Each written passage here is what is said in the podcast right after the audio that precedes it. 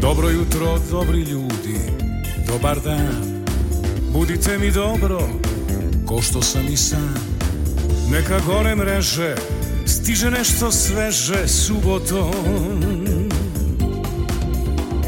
Subotom. Subotom. Sa Sašom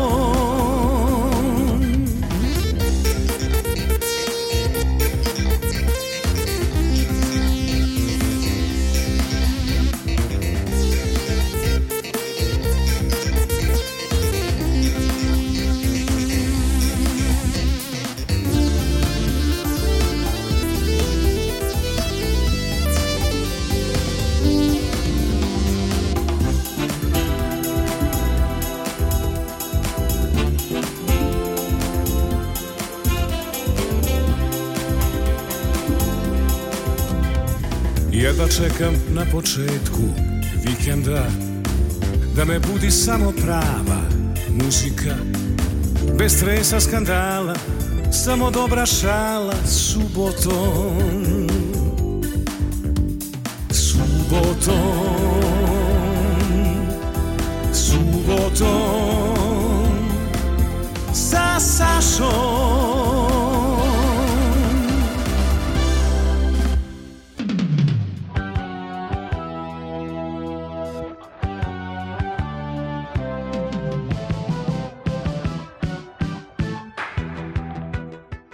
Jao, dragi prijatelji, dugo vas tražih da citiram instrumental ove pesme Šeri, Šeri iz Zdravka Čolića.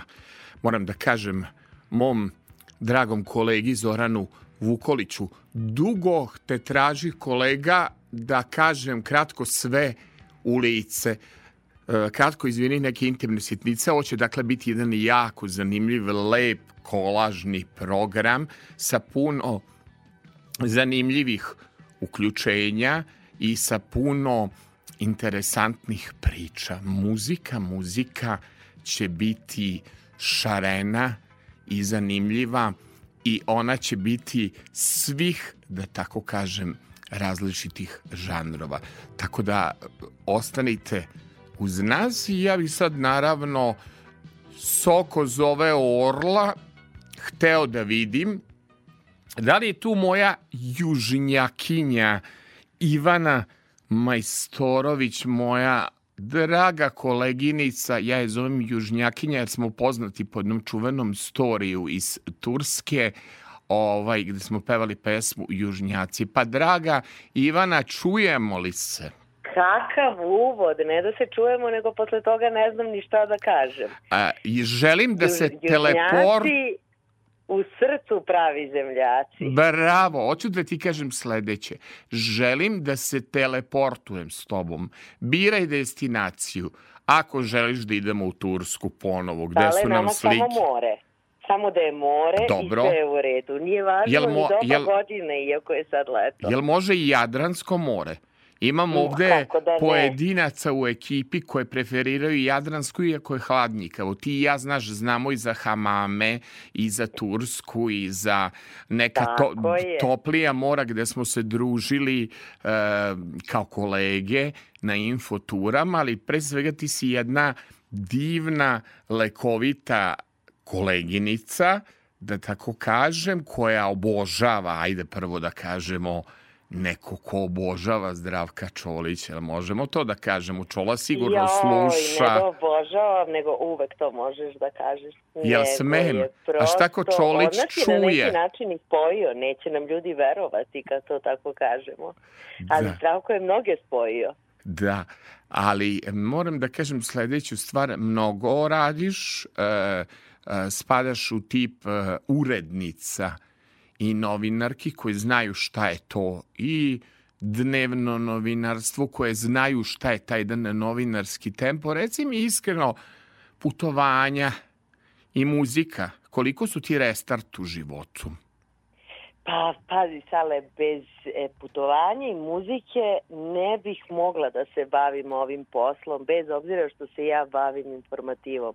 Jer ja volim da kažem da su putovanja pola zdravlja, a kogod je nekada imao prilike da malo zagrebe novinarski posao, može da samo zamisli kolika je to količina stresa, a sa druge strane muzika pruža, kad ne može da se putuje, taj neki moment puta a, ustajanja u mestu. Tako da jedno bez drugog ne može i svako dobro putovanje obelaženo je dobro muzikom, što smo ti i ja e, dobro i proverili baš u toj našoj Turskoj koju si pominjao, gde smo zajedno pevali južnjake i tako smo se nekako i baš lepo združili na tim I... infoturama u, u Antaliji koja je u maju sunčana Jao, jest. Ali ja znam samo i to ćemo da, da priznamo.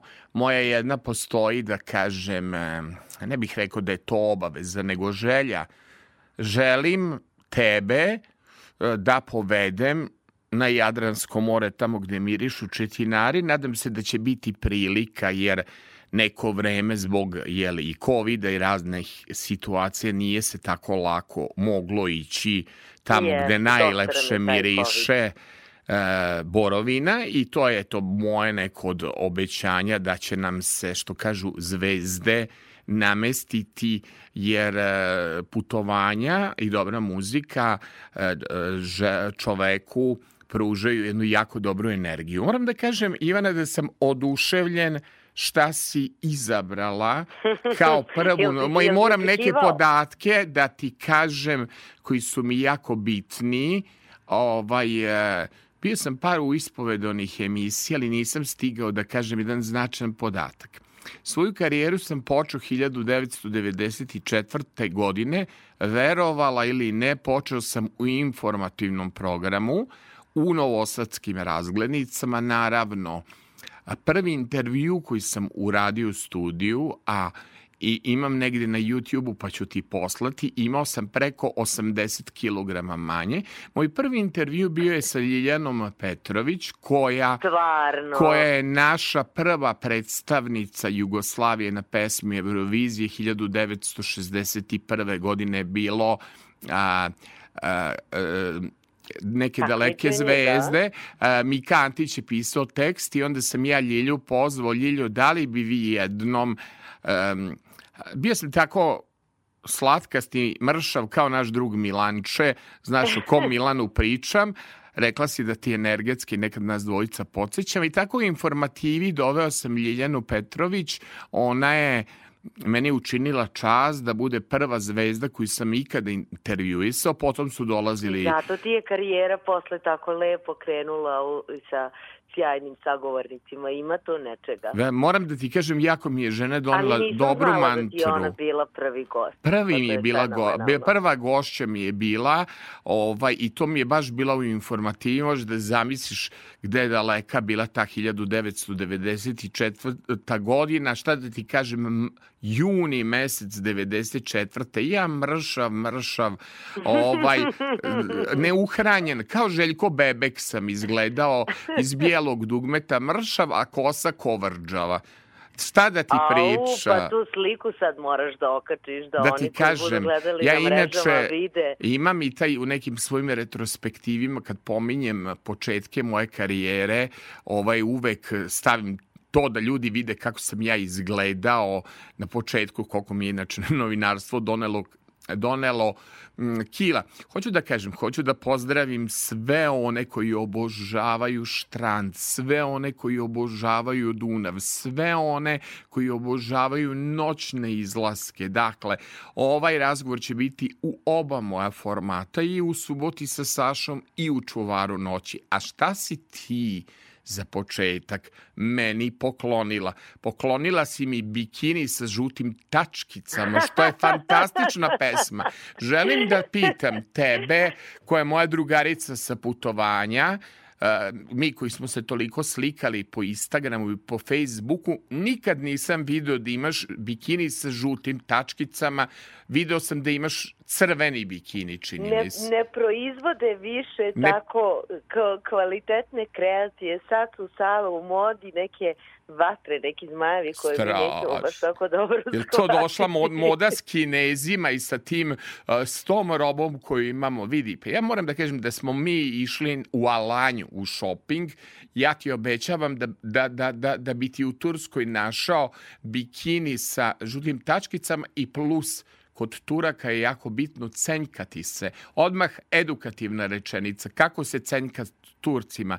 Ja se setim Indire Gandhi, Indire Radić. To je rečenica indir, indir, indir, što znači smanji, brate, cenu. Kako ti je dobra asocijacija, potpuno ne bih uopšte povezala. A, ali znaš šta, Sala, ja volim da se cenkam, slušaj, ali ne bikini sa žutim tačkicama koji bi te, na primjer, košto 50 evra, uz tu čarobnu rečenicu, i ajde da probamo, Indir, Indir, Indir, a, faktički bi ti uspeo nabaviti bikini sa žutim tačkicama i s pomoć našeg duleta, prijatelja koji nas je to naučio, naš vodič, ovaj, ja bih uspeo to da ti nabavim za cenu od 10 evra. Priznaj za bikini sa žutim tačkicama da nije mnogo da spustimo s 50 na 10 evra. Nije, to je kod nije, Turaka tako. To je, to je cena perfektno, onda moramo da idemo što pre u Tursku bar za sledeće leto. Da Slušaj, ja inače znam, ja sam napravio sa svojom kamerom kao neku vrstu uh, skrivene kamere kako ja njima objašnjavam odakle sam, kako se cenjkam i kako im objašnjavam Joksimović, lane moja priti brena i da, da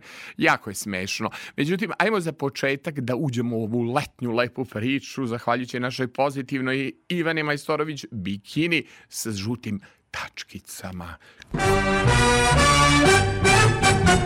Od ovog zaklona koji me krije Kroz topli pesak do vode je put.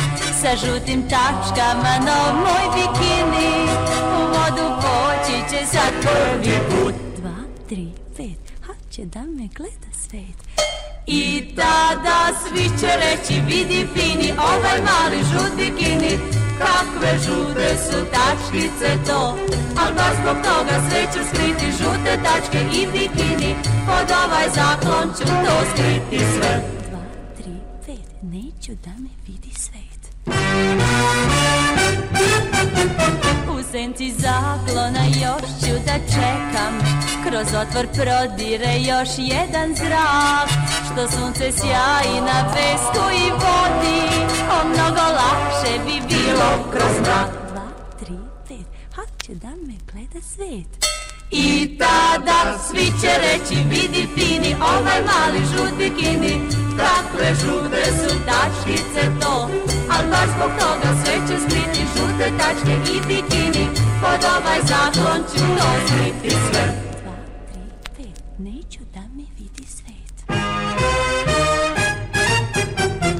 Od ovog zaklona koji me krije Kroz topli pesak do vode je put.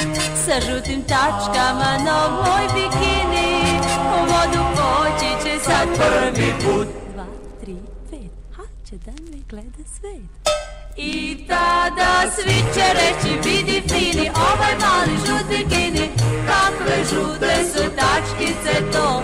Al baš zbog toga sve ću skriti žute tačke i bikini Pod ovaj zakon ću to skriti sve. No bikini tačke žute Male tačke žute sve. No bikini tačke žute Svi bi rekli da je lep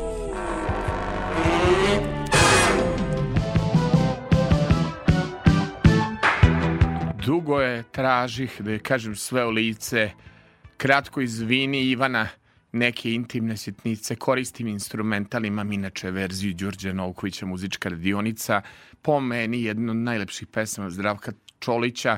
Mnogo ima lepih, ali ova mi je lepa zato što je samo meni lepa. Marina Tucaković je pisala tekst i kaže šeri, šeri, šeri izbrojak. Ne peva na koncertima, ali volim sad što se Čola setio nekih starih pesama, ih obnavlja, kao da je gledao tebe i mene na društvenim mrežama, pa se setio nekih starih pesama.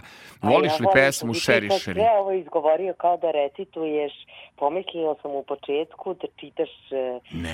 neku pesmu i onda sam tek na pola shvatila da ti zaista iz glave pričaš to je da zvuči kao neka poema, neverovatno. Ali moram da ti kažem ovaj, e, da jako volim tu pesmu Sherry, Sherry, taj album i opšte te neke ranije albume Zdravka Čolića.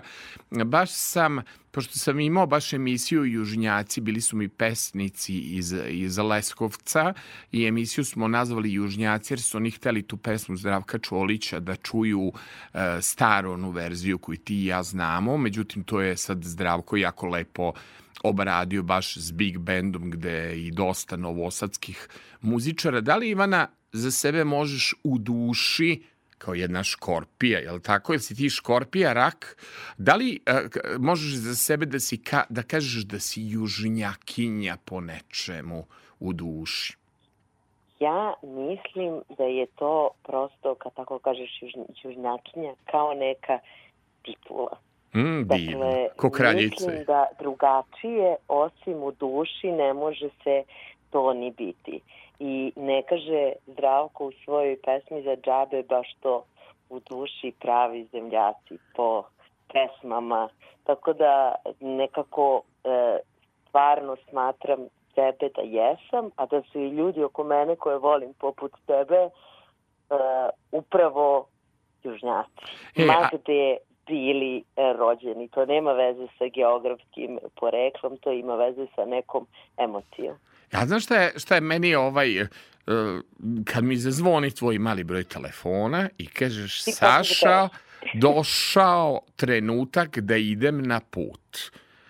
I naravno gledaju se varijante ovakve i onakve i moje da dam neki savet gde je možda dobro, gde nije dobro i tako dalje. Međutim, univerzum je jako naklonjen tebi, bar ja po onome što pratim pratio sam po društvenim mrežama i kad smo se sreli, jel tako, na mestu gde sam gostovao, a ti uređivala, a, moram, moraš prosto da a, mojim slušateljkama i slušalcima kažeš koje su to destinacije gde si bila poslednji poslednjih par godina, ne, ne pričamo o Turskoj, gde si bila i nešto novo otkrila? Nije te put vodio na Jadran, nego si bila, jako su ti lepe slike, pa samo da je to daš savet mojim dragim. Da, negde na potpuno ne, neuobičajenim destinacijama. Pa najveći utisak mi je ostavila ta Kuba. Dobro. ta Havana, to je jedna zemlja potpuno čudna u kojoj sve važi 24 sata od kursa do tompusa. Dakle, nevrovatna je energija. E, čim se sleti na onaj aerodrom, nešto se dešava drugačije. Mi smo ipak evropljani, pa nismo skroz navikli, ali jako brzo se uđe u taj neki njihov ritam života. E sad, ono što jeste tužno kod njih jeste ta hiperinflacija i oni recimo kupuju hranu na bonove, ne mogu da odu u prodavnicu normalno kao mi ovde i da uzmu šta im treba, ali energija neverovatna. Oni non stop igraju, pevaju, plaže su fantastične, a ono što, mo, dobro, verovatno i tvoji slušalci znaju, jeste da su cene dosta niže nego bilo gde i do duše sad su avijanske karte malo poskupele, ali to putovanje je tada ispalo isto kao da sam išla negde bliže. Mm, dakle, tu ima i šta da se vidi i istorija Trinidad, Varadero je, na primjer, to isto jako interesantno, dakle, da oni nemaju novca, recimo, ali da ima velelepnih hotela. Onda da tu postoji to mesto koje se zove Varadero, gde su hoteli u tom nekom on-inclusive konceptu, ne mogu baš da uporedim sa, sa Turskom, e, pardon, zato što su u Turskoj, prosto oni izmislili all inclusive sve što može da se zamisli, ali u ovom postoji sve šta je neophodno. I onda je to strašno čudno kao da ste u nekom paralelnom univerzumu, onda recimo isto se cenkate Da. e, za sve, E, regularan taksi je teško naći, za kurs to je isto smešno, ne menja se novac u banci nikako, nego na ulici, iako to nije e, legalno, ali ukoliko ga promenite u banci, bit ćete opljačkani na jednom potpuno institucionalnom nivou. Ali u svakom slučaju Kuba zbog energije, zbog dobrog vremena, zbog dobre hrane koju ima u restoranima, jer ljudi misle pa šta tamo da jedem, tamo nema Da. ničega. E, I onda na kraju isto što je jako interesantno da imaju e, super su slikari, prave odlične handmade neke ukrase i tako dalje, ali mi smo na primer gomilu stvari koju smo poneli naše garderobe tamo poklonili, ali nismo se vratili praznih kofera i mi smo kupili njihove neke potpuno autentične proizvode, tako da mi je Kuba onako ostala i kao zemlja u koju bih išla opet. Jer obično te neke daleke destinacije kao odeš jednom i to je to za ceo život. Ne, ja mislim da na Kubu pa bar jedno deset puta da će Bog da, da ću moći da odem, tako da mi je ona ostavila najveći utisak. A kaži mi samo da- more. Mhm. More me interesuje, pošto smo i Tursko A, proba... pa Karibi, a, more je ka- e, zanimljivo, mi smo bili kraj januara, na Dobro. primjer, i oni se ne kupaju. Njima je temperatura 27 stepeni vode hladno. Koliko? I, Trenu, koliko? 21 im je hladno. Pa nam, 27, njima je to s- hladno. 27 im hladno. Da, pa da. koliko treba da I mi smo bude? za njih čudaci, mislim, u januaru kad se kupamo. Pa to mi, da ja se mislim da je hvala. 27 najtoplije što može Jadran da izvuče. Ne znam da li nekad bilo više od 27, 28, pričam o tome. E, da, da, a A, ovde o- je baš tako. Onda recimo prodaju kokos na plaži Da, i seku kokos pred tobom dobro. i to recimo košta naših 50 dinara. A, u, pa to je što bi rekli čist komunizam. A Da. ovaj e, čist komunizam, pošto ipak si mi koleginica, je tako, e, s političkih nauka, moramo malo, pa ma- malo, jeste. malo moramo i fenomenološki, da tako kažemo. Ovaj, boja mora, to me interesuje. Ne, neopisiva je. Onako kako je na fotografijama, bez filtera, tako je i uživo. Dakle, onako svetlo, svetlo plava, nije kao naš Jadran Da. svet, teška ta plava boja, mislim i Jadran je prelep, ali ova ipak su to Karibi, pa je nekako i zbog te klime i zbog boje peska, jer je pesak beo, onda je samim tim i voda maltene onako ja to kažem tanka plava, nije, nije baš dobar izraz, ali potpuno svetla i kristalna. Tako da more je toplo. Jao, ali kako ti je januaru. ta Kuba a, upala, da kažem, slučajno u životu? Znam da smo vagali, da si me zvala oko saveta za destinaciju, gde ćeš, šta ćeš i na kraju si izvukla na životnoj lutri Kubu. Ili ti se desilo još s nekom turističkom destinacijom tako da si pronašla da ti je slučajno došla u život, a da si se oduševila? E, Pričam pa sad o letnjim da bude stvarima. Kapadokija, Sale. Kapadokija. Iako je isto Turska koju smo već Da. pominjali, Kapadokija je nešto potpuno drugačije. Jeli? Bliže ne Grčko ili šta, Mhm. šta ima ta taj deo Turske ovaj, da ti se sviđa. Ja nisam nikad bio. Dosta sam se više vezao za tu neku antalijsku regiju, a nisam ovaj, nikad bio tamo. Šta, šta? obavezno razmotri zato što nije samo to letenje balonom, u redu to je zaista lepo, vide se neki delovi koji ne mogu da se vide e, na zemlji, ali to je kao neka vrsta hodočašća. Zašto? Zato što su prvi manastiri nastali tu, baš u tim vulkanskim stenama. Sveti Vasilije Ostroški je napravio tu temelje hrišćanstva, od toga da je tu prvi ženski manastir, da su freske sačuvane e, pazi, to je period pre nove ere, freske su sačuvane kao da su gotovo naslikane e, sredinom 20. veka, jer nije, ne može svetlo uopšte da prodre. Onda, recimo, postoji taj čitav podzemni grad u koji se spušta nekoliko spratova i sada kako su naši preci e, živeli, dakle u tom prvom delu su im bila životinje, tu je bila stoka, zašto? Ako krene neko da ih napadne, uznemiri se stoka, pa zatim onda imaju tu veliki kamen koji skotrljaju da zatvore prilaz. Pa se onda ide sve niže i niže kroz kuhinju da se kuvalo e, da bi izlazio dim, pa niže, tu, pošto, evo sad rekla za hrišćanstva, e, stolovi su bili namešteni tako i to i dan danas e, izgleda, mislim, u toj vulkanskoj steni, da su svi, vidi se da, da su svi sedeli i jeli za istim stolom. Pa onda postoji u jednom delu je, jedan e, prostor u kome su pravili vino, pa kako su, kako je ono oticalo i tako dalje. I to je nešto neverovatno u tom istorijskom smislu, taj čitav jedan muzejski deo, jer zaista ne možete da verujete da je priroda napravila nešto toliko funkcionalno, a sa druge strane i ne znamo da su tu e, začeci hrišćanstva. Tako da je Kapadokija magična, taj let balona mi isto, on je interesantan u smislu da se, inače i svi, sav smeštaj u tim vulkanskim stenama, pa je to isto onako dosta neobično,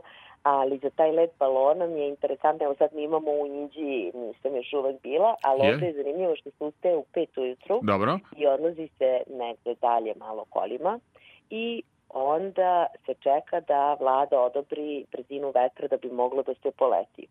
E sad, dešava se da ljudi nemaju sreće i da prosto nije bezbedno i da baloni ne mogu da polete.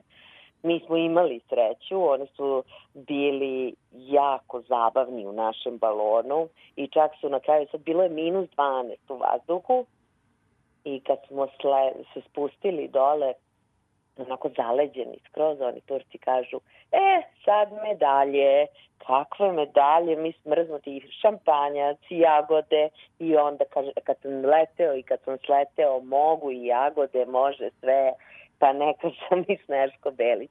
Ali Kapadokija svakako preporuka zaista mnogo je, baš je neobično i jako lepo iskustvo, pritom nije ni toliko daleko, tako da stvarno mislim da je za svakoga jer ima i što da se vidi i dobra je i gastronomija, a jednostavno i da se nauči prosto drugačije e, u odnosu na bilo šta prethodno gde sam putovala. Mada Sale nije ni naša Evropa ovaj, ni malo zanemarljiva, nedavno sam bila u Barceloni i, oj, pa... planiram da idem opet, mogli bismo i zajedno. Kako je bilo u Barceloni, kaži mi? Uh, magično, magično. Jel tako? Da, da, da primećujem da onako omiljena destinacija da, da, da, da ljudi uživaju baš, baš u Barceloni i uopšte u Španiji, jel tako? Da, da, stvarno je nevjerovatno i koliko je dobra energija i koliko je dobra i hrana i koliko je, ne znam, ta klima im je fenomenalna. Španija je bukvalno dato, Bog im je dao sve da, da mogu da žive nekako.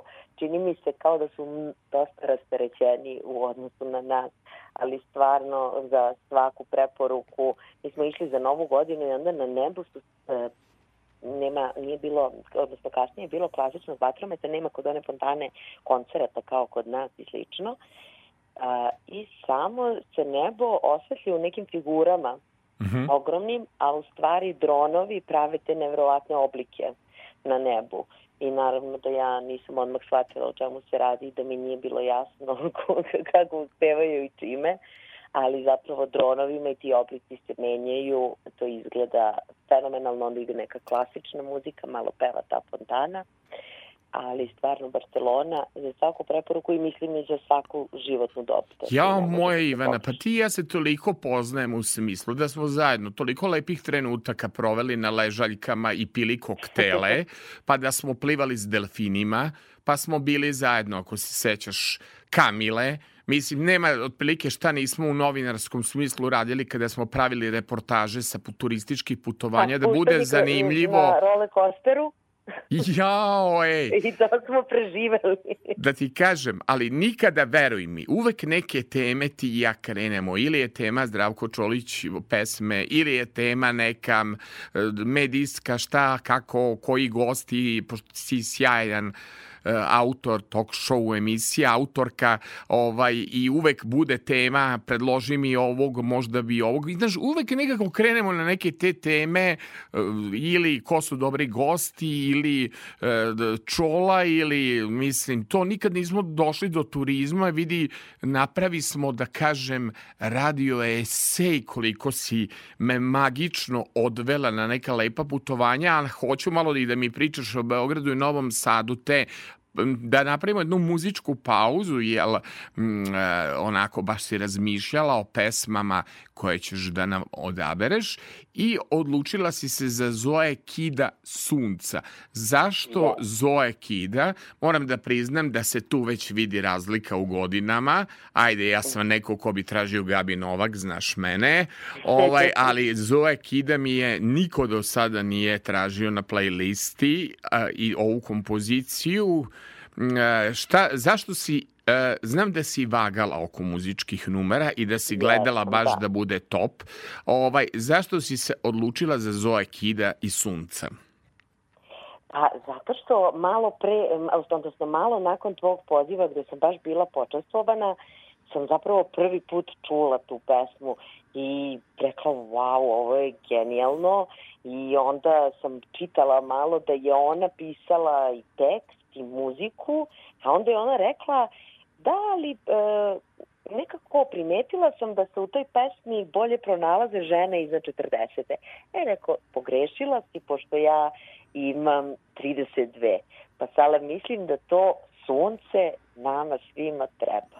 Let the sunshine, treba nam sunca, treba nam, hoću baš da te pitam i za neke mm, beogradske destinacije gdje ideš da se sunčaš, hoću da te pitam malo o tvojoj ljubavi prema Novom Sadu, ali moram malo da pustim i muzike, dakle, zaista hvala ti što si odabrala što niko nije do sada u mojim formatima, Zoe kida i kaže sunca.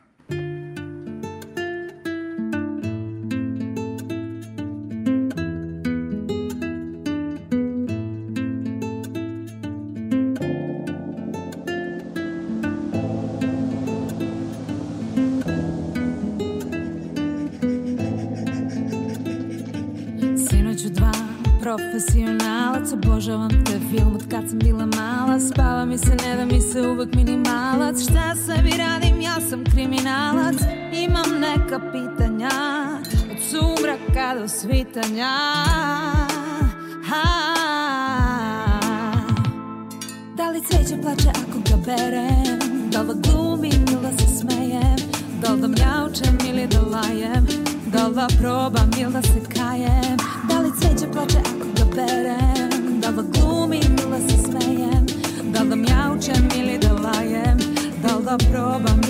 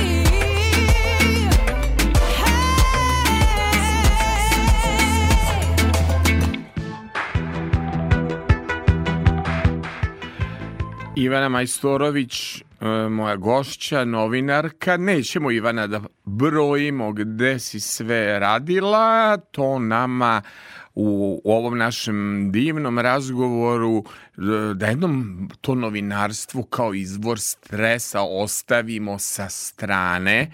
Ovaj, kaži mi, molim te, Gde se sunčaš? Ne, nije ono gdje se kupaš, gdje školjke, nego vidim te često. I sad nadam se da sam dobar pratilac tvojih storija, nego non, non stop mi pišu uh, slušalci da gostuju, pa onda ja ne stignem da, da vidim gde, gde su mi prijatelji. Molim te, uh, siguran sam da sam te video na Adi Ciganli i sigurno, siguran sam da sam te video na Beogradskom moru i da sam te Ali video po rekam. Jesam te video. Moj, e, video si da i nekako ta Ada je simbol grada. Nešto potpuno neobično u jednom glavnom gradu, ali samo sam htjela jednu digresiju da, Da. u ovoj pesmi, pošto se ti dobro razumeš u, u astrologiju, Dobro. ne znam da li tvoji slušalci to znaju. Nemoj da otkrivaš I moramo tajne. da pazimo na sunce. Bravo, Moramo moramo, da moramo. na sunce. Moramo da pazimo i sunce i na Mars i na Merkur i da li je retrograd na Veneru. ovaj, da, na su, E, sun- da, pitao si me za, Da. za a, Adu i za, i za to, te neke, neka lepa mesta u našem gradu, ali i u Novom Sadu, e, koja su meni, eto tako, omiljena. Mislim, Ada jeste zaista specifična, jer opet kažem, nalazi se u centru grada i nekako je, mislim u centru grada, nalazi se u glavnom gradu, a nekako je mesto okupljanja svih i čak je simpatično imamo jednog prijatelja Engleza koji kad god dođe, on prvo što kaže je idemo na Adu. Kažemo čoveče šta ti ja ide da malo prošetamo Beogradom. Ne, ne, ne, ja volim da sedim na Adi, dobro. I onda smo shvatili da je njemu to u stvari kao more. A onda sa druge strane nama Beograđanima je odlazak u Novi Sad isto tako jedna zanimljiva tura. Ja mislim da ne, ne mislim, nego lično ne poznajem nikog kome Novi Sad nije nešto posebno. Od Pa koliko si često na pa štrandu, te ovaj, ko, ko, koliko stigneš, s obzirom zna, znajući tvoje uredničke obaveze, znajući koliko ti i mnogo Jeste, radiš, nažalost, da, ovaj, ne mogu toliko, a, toliko bih htela da budem u Novom ovaj, ali Sadu. Ajde nešto samo da ti zagolicam. Da li ti znaš da ja imam fenomenalan multimedijalni studio i da direktno gledaš s Mišeluka na štrand mog studija. Dakle, onda postoji na, na četvrtom spratu restoran gde se pije sjajna kafa i limunada, ma uravni one koji smo pili u Turskoj. Dakle, s tog sprata možemo da napravimo najlepši mogući selfie a, na a, i da napravimo fotografije gde je pogled na Novi Sad. Znači, taj pogled koji ima zgrada Nova radio televizije Vojvodine direktno puca na štrand, a ja jako volim kad sam na štrandu da gledam put zgrade. Pa onda da kažem gnjuram, gnjuram i najlepše žurke sam proveo na štrandu. Noć na štrandu je divna zato što ima mnogo a, finih akustičnih bendova koji sviraju upravo one pesme koje ti i ja volimo, a moj e, dragi prijatelj um, Aleksandar Mladenović DJ sa letanjem je jednom napravio jedan disco mix sa šlagerima. Ti si me uputila na jednog dobrog DJ-a, hvala ti, nadam se, pošto sam ja uporan, ako sam čekao lepo brenu 18 godina, onda ću i gospodina DJ-a MKD, kako se on zove? brže. Ali mi ćemo morati zajedno da idemo da ga slušamo. Slušaj, jako mi se sviđa to što si mi poslala. A, ja sam a, oduševljen happeningom. Kako ide njegovo umetničko ime? Da ga zaprate ljudi na Instagramu. Marko Milošević. MKDSL, što znači mama kaže da sam lepa. Jeste, a on je Marko Milošević. Ima i pesnik Marko Milošević, a, gde glumci recituju na Instagramu, ima još jedan Marko Milošević rođen u julu. Ovo je, dakle, mama kaže da se, jesi upoznala čoveka lično? Ovaj, zato što Jesam, sam, da, što da, sam ovaj je happening oduševljen, on pravi od domaće muzike, iako mu je sličan koncept e, ovih mojih emisija, Čuvar noći subota sa Sašom, neverovatno da čovek i ja imamo isti koncept, samo što ja još ja nisam počeo da, ja miksujem. Ja mislim da ja možda iz tvojih emisija čuo neke pesme davno zaboravljene, stare 50 godina koje pogotovo moje generacije nikad nisu čule, tako da nije isključeno, to ćeš ga pitati Ali, kad budeš ugostio. Pa, pravo da, da ti kažem, imamo par novosadskih DJ-eva, jedan mi je rekao, samo da ti kažem, pristajem, ali mora da bude live mora da bude uživo, kaže ja ću da donesem miksetu, ja ću da donesem sve što treba, ali jedini uslov je da bi miksovali, moramo da idemo live. Tako mi je rekao čovek zbog atmosfere. Pa dobro, rekao, ima tu nas par u ekipi, nećeš valda tu za nas par da praviš to. Ne brini, kaže, DJ ne može da bude pravi ako ne oseti puls publike. Mnogo, mnogo ti hvala što si mi na Marka ovaj ukazala i to je zapravo upravo muzika uh, E, koju ja volim i on to radi na jedan fenomenalan način.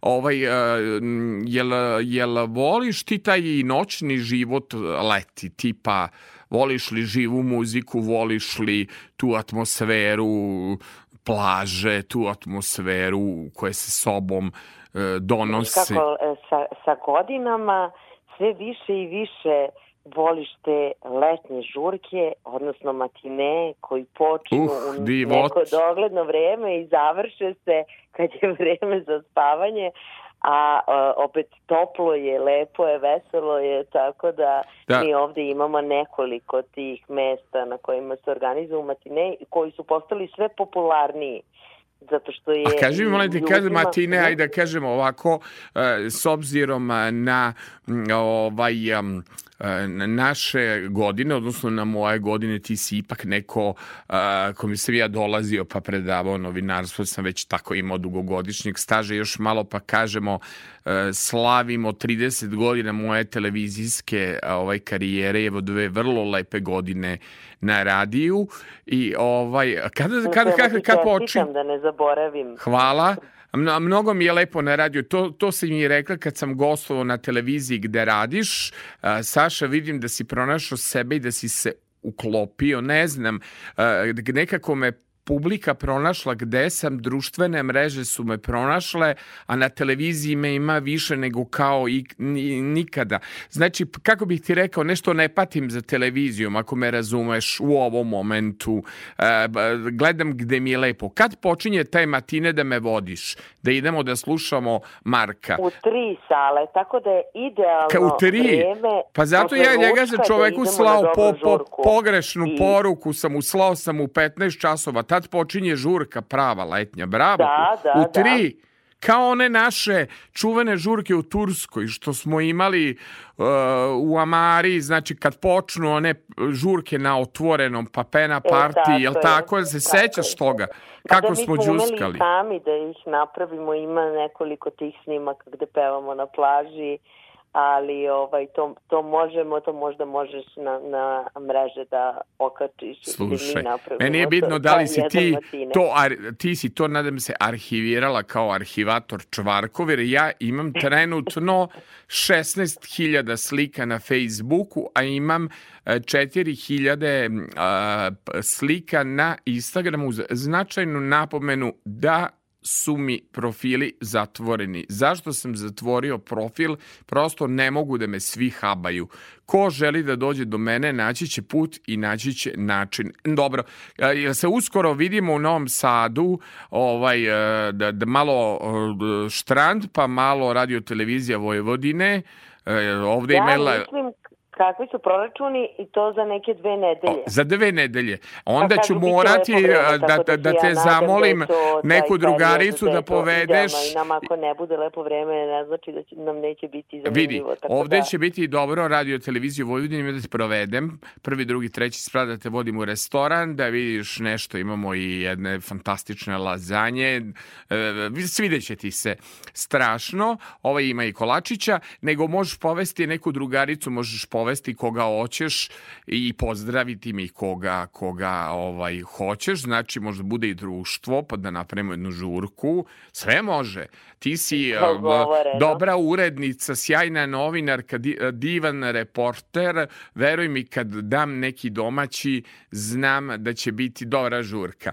Ivana, vidi, znaš šta sam se odlučio za kraj?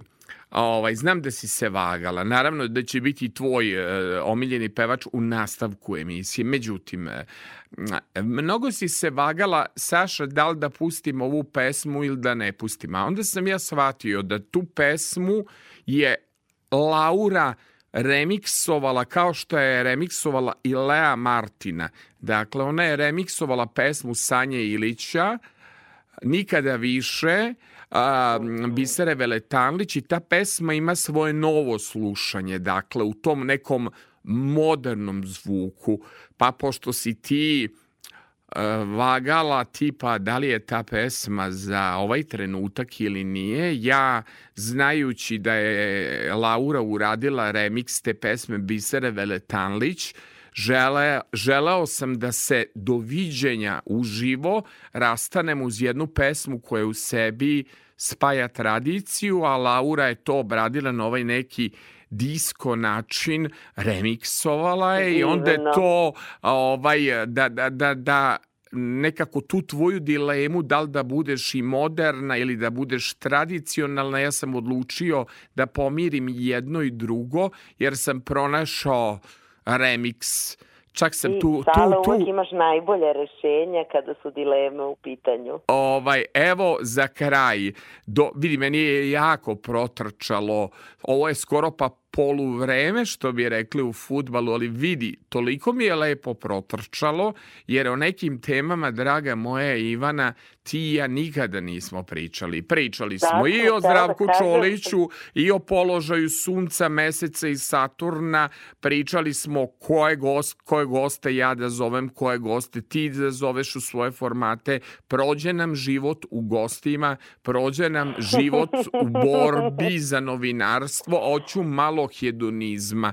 U tom smislu ti se zahvaljujem za jedno futbalsko poluvreme koje smo A uradili. tebi mnogo hvala na pozivu, meni je čast ja sam uvek srećena kad mogu da razgovaram sa tobom, bilo to e, u medijski ili van, jer nekako svaki put mi doneseš dobru energiju, tako da hvala ti mnogo na pozivu i želim ti još uspešnije i sve uspešnije emisije, jer prosto radio je večan medij. A, ja moram da ti kažem, ovo je radio koji se gleda, radio koji se išao u narod, e, radio koji dolaze lekoviti ljudi. Mi imamo jako mnogo e, zanimljivih ljudi, jako mnogo pametnih ljudi koji imaju dobar muzički ukus i neće dozvoliti da im kompjuter na nacionalnim radio stanicama bira muziku, biraće svoju muziku sami. Ovo je bila Ivana Majstorović, južinjakinja, novinarka i pre svega moja divna koleginica čiji broj telefona uvek mogu da okrenem kad mi treba neki savet ko mi je dobar gost, osoba koju često u prolazu sretnem, u mnogim medijskim kućama sam te sretao, ali bilo mi je mnogo krivo što smo stalno jurili i stalno smo bili kao u pesmi Meri Cetinić u prolazu i za kraj da se vidimo, povedi i neko dobro društvo uh, uz želju da se vidimo što pre na nekoj od plaže ja poklanjam Biseru Veletanlić i Lauru um, uh, Laura Remix koje kaže nikad više a MKDSL nek čeka da dođemo na njegov nastup. Ako neće Breg Muhamedu, onda će, kako se kaže Ivana, onda ćemo mi njega naći, jel? Tajna svakog dobrog urednika, to si ti i novinara, je upornost. Mi ćemo, dragi Marko, te naći, pa makar te snimili i na onaj na diktafon. Tako da ovaj, to kaže diktafon, snimač. Tako da ovaj, idemo na Biseru Veletanlić i nikada više Ja, to je grad u kome sam ja studirao. Dolazim u grad moje mladosti. Predivan remix. Hvala ti Ivana puno. Pozdravljam i da se što pre mnogo. vidimo na štrandu i na Mišeluku. Sve najbolje. Vidimo se. Hvala ti, ljubim te.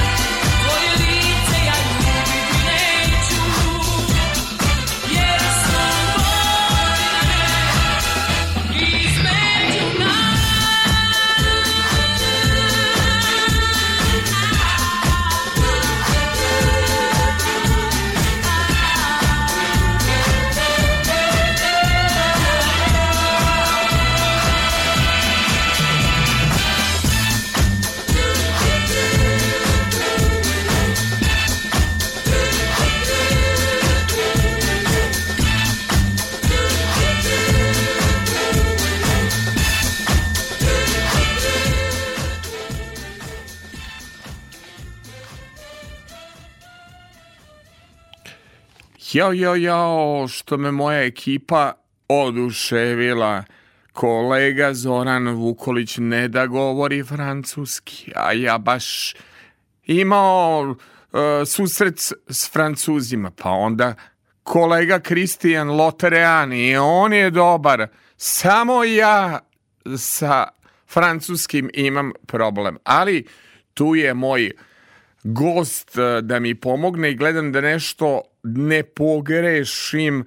E, Kolega, kolega Lurenc, jesam dobro rekao, jel se dobro, jel se čujemo kolega? Ču- čujemo se, a sad jel ti dobro rekao ili ne, ja bi više rekao Laurent na. Ajmo to, ajmo ime, prezime, to, eto, pošto na, imam talentovane kolege, onda će oni sa mnom da vežbaju kako ide i ime i prezime. E, ja ću te dati dva varijanta, znači po, pravilno u francusku me zovu Laurent Rouy, a ovde, kao što je rekao Vuk Karadžić, jedno slovo i jedan zvuk, to bi bilo Loran bez Z nego L, Rouy, Loran Rouy, tako me ovde zovu. E, kolega, ja moram da pohvalim vaš srpski. Svako ko je učio, evo, kolega Zoran, onako daje onaj znak da ste odlični sa srpskim jezikom, mada primetio sam da, da vi e, ste samo kritični, međutim odlično govorite srpski. Koliko godina već vi živite i radite ovde kod nas E, u da- Srbiji? Prvo da kažem da i ti fantastično govoriš srpski, tako da sad čast mnogo bolje od mene. Dobro, ali francuski ne znam nikako, znači to... Ali, ali, ovaj, ja teško mi ide, teško mi ide. Ovaj, e, e, koliko sam godina živite, da? Eto, ja, ja, sam- ja sam tu, znači, malo duže, poprilično dugo u stvari, ja sam tu 20 godina. 20 godina. 20 godina radim ko novinar, eto, iz Beograda izveštavam, eto, e, širim lepu reč o Srbiji u celom svetu. Da. Je li vam lepo poznajete Srbiju, upoznali ste, putovali ste, uh, k- kako vam se sviđa u odnosu na, na Francusku? Čeo smo drugačiji, ajde tako da kažem. Šta se, šta se vama sviđa za ovih 20 godina? Da malo budemo pozitivni. Pa pozitivni naravno da je da ćemo da bude. E, svašta mi se nešto sviđa. Malo je teško uporediti e, Francuska i Srbija. Znači, ipak e, Francuska je zemlja malo veća, ima samo deset puta više stanovništvo, razumeš? Da. Tako da je to, to, to, upozore, e, to e, upoređivanje, izvinjavam se, je, je malo teže, ali ono što mi se sviđa ovde da ljudi su vrlo autentični i srdačni, znači iskreni su i to je nešto što ja mnogo cenim. Znaju da budu kao e, malo previše direktni e, desi se, ali je to sve u svemu ipak je to e, vrlo prijatno e, to čuti, to, to doživeti. Ima jednu e, vrstu iskrenost koje, koje takođe kod nas postoji, ali vrlo drugačije. Ne bi znao tačno da opisujem. Ka kažite ali... mi, je li vam o, posao naporan, pošto ovde ima mnogo događaja, a, stignete li da odmorite, stignete li da putujete, imali i vremena i za godišnji odmor, imali vremena da odete do Francuske, a, koliko vam je naporan posao? A nije naporan, ja volim svoj posao. Znači, ja se čak i osjećam privilegovan što imam toliko lep posao i što ja živim u zemlji koja mi se sviđa, tako da ja e, svoj posao doživljavam više kao neka vrsta neću da kažem hobija, ali to je nešto što, što me baš ispuni, prija, daje me e, prilike da se sretnem sa e, razno raznim ljudima, pa i to seti se kad smo se ja i ti sreli na Jao, slučajno, eto ali je to Gorina, mi smo se sre- sreli slučajno, ali dovoljno bilo interesantno da zapalimo društvene mreže, jer upoznali smo se slučajno, a i kolega koji nas je ovaj e, spojio će biti gost ove emisije, malo nešto kasnije, neću da otkrivam sve tajne, publiku treba držati u neizvestnosti, nego ja kolega hoću vama nešto da pustim, to nek bude za vas iznenađenje, a možda ste čuli, možda niste čuli. Kod mene na televiziji Novi Sad svojedobno, Lepa Brena, naravno znate, je Da, imala jednu lepu pesmu Okrećeš mi leđa i odlaziš. E, ona je baš za potrebe televizije Novi Sada, ja to Aha. sam uspeo da pronađem u našoj arhivi radio televizije Vojvodine je pesmu Okrećeš mi leđa i odlaziš otpevala na francuskom. Želim referen strofu kolega Zoran da pusti da mi vi ocenite i da mi otprilike uh, kažete impresiju kako to vama zvuči. Dakle, Lepa Brena na francuskom kolega Zorana. Idemo samo referen i strofa da naš gost to čuje pa da mi prokomentariše i posle naravno da pronađe na YouTube-u. Želim, da, pošto da i vi nešto čujete novo što nije često na našim medijima.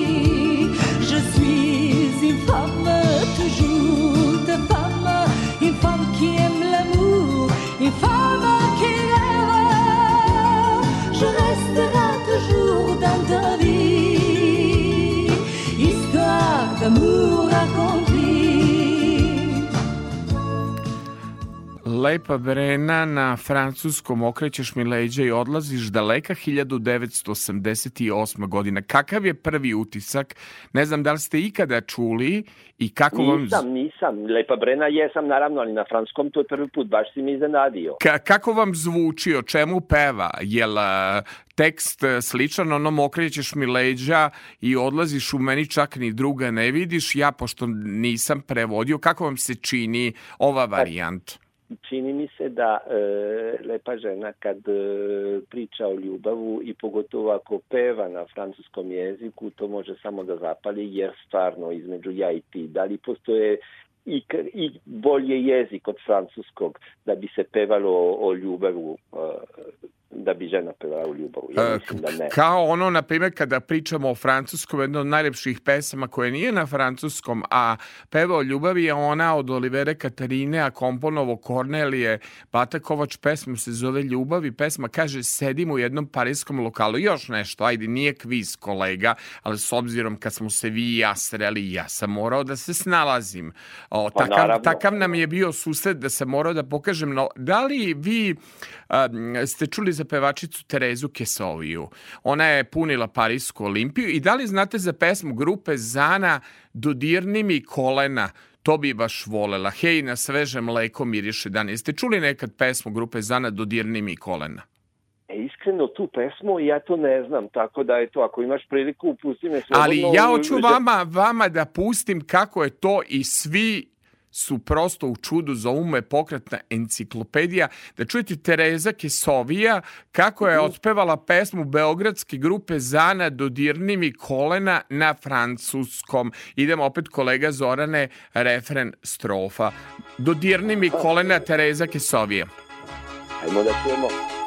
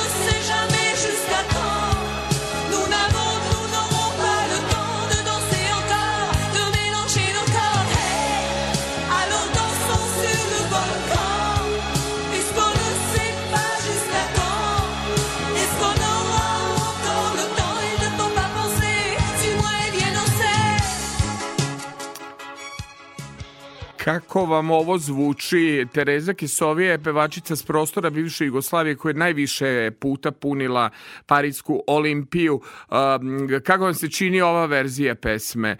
Posle ću naravno malo i kombinovati Zanu Dodirni mi kolena, ali interesuje me ovako doživljaj na prvo slušanje kada jedan Francuz čuje kako su sa prostora bivše Jugoslavije hrvatska pevačica, kako su obrađivali e, pesme i kako su pevali na francuskom. Kako vam se ovo sviđa? Pa eto, sviđa mi se, ali iskreno, e, ono, originalna verzija sam znao, da, ali nik, moram da, da priznam, nikad nisam obratio pažnju na reči ono što se peva, peva i sad e, slušam fransku verziju i e, kapiram da u stvari to je veoma mračan tekst. Znači, priča o rastanku, Jao. priča o smrti. Mislim, Ali na ja se nadam da ste sada tako. prepoznali originalnu pesmu koja je ona hej, na svežem mleko miriše dan, ptice Pa da, da, da. pevaju na sav glas, jutro njiše vetar, dodirni mi kolena, to bi baš volela, pošto nisam naravno spremio originalnu pesmu, nego sam, svi su u šoku jer niko ne zna uh, ko ima manje od uh, 40 godina da je Tereza Kesovije 1980 i neke prepevala najveći hit Marine Tucaković i grupe Zana, a to je bila ta pesma Dodirni mi kolena. Prosto sam hteo vas kao čoveka koji je Francuz, živi kod mm -hmm. nas, da iznenadim sa nekim stvarima. Vi volite koga, to sam čuo, dva kantautora, jel tako, Balaševića i Bajagu, jel to tačno? Da, da, da, da, da, da, da, mislim, ja sam učio uh, srpski jezik uh, pomoćem uh, pesme Balaševićeve, tako sam ja počeo, tako da sam, još su tada bile kasete koje sam kupio, neka piraterija po ulicama, moram da priznam, i uh, ja sam mnogo, mnogo fon reći vokabular učio slušanjem uh, Balaševićeve pesme i uh, Bajagine pesme. Znači, to su one kao prve muzičari iz tih prostorija koje sam imao uh, priliku da, da, da slušam i, i sam dosta slušao, tako da meni su ostavili jedan mnogo snažan utisak. Uh, uspeo sam da vidim uh, Balašević jednom na koncertu i Bajaga, uh, čini mi se, tri puta. Tri e, puta. bravo! Čak, Pa vi, na, vi, vi... Na, izvini, ali to moram da kažem, znači na koncertu, uh, prvi koncert Balaš, uh, ne Balašević, nego uh, Bajega. Bajega, gde sam bio, sam se upoznao sa mom ljubavu, tako da je to te, ti, taj, taj, ti koncerti i taj uh, pevač meni značajno vrlo.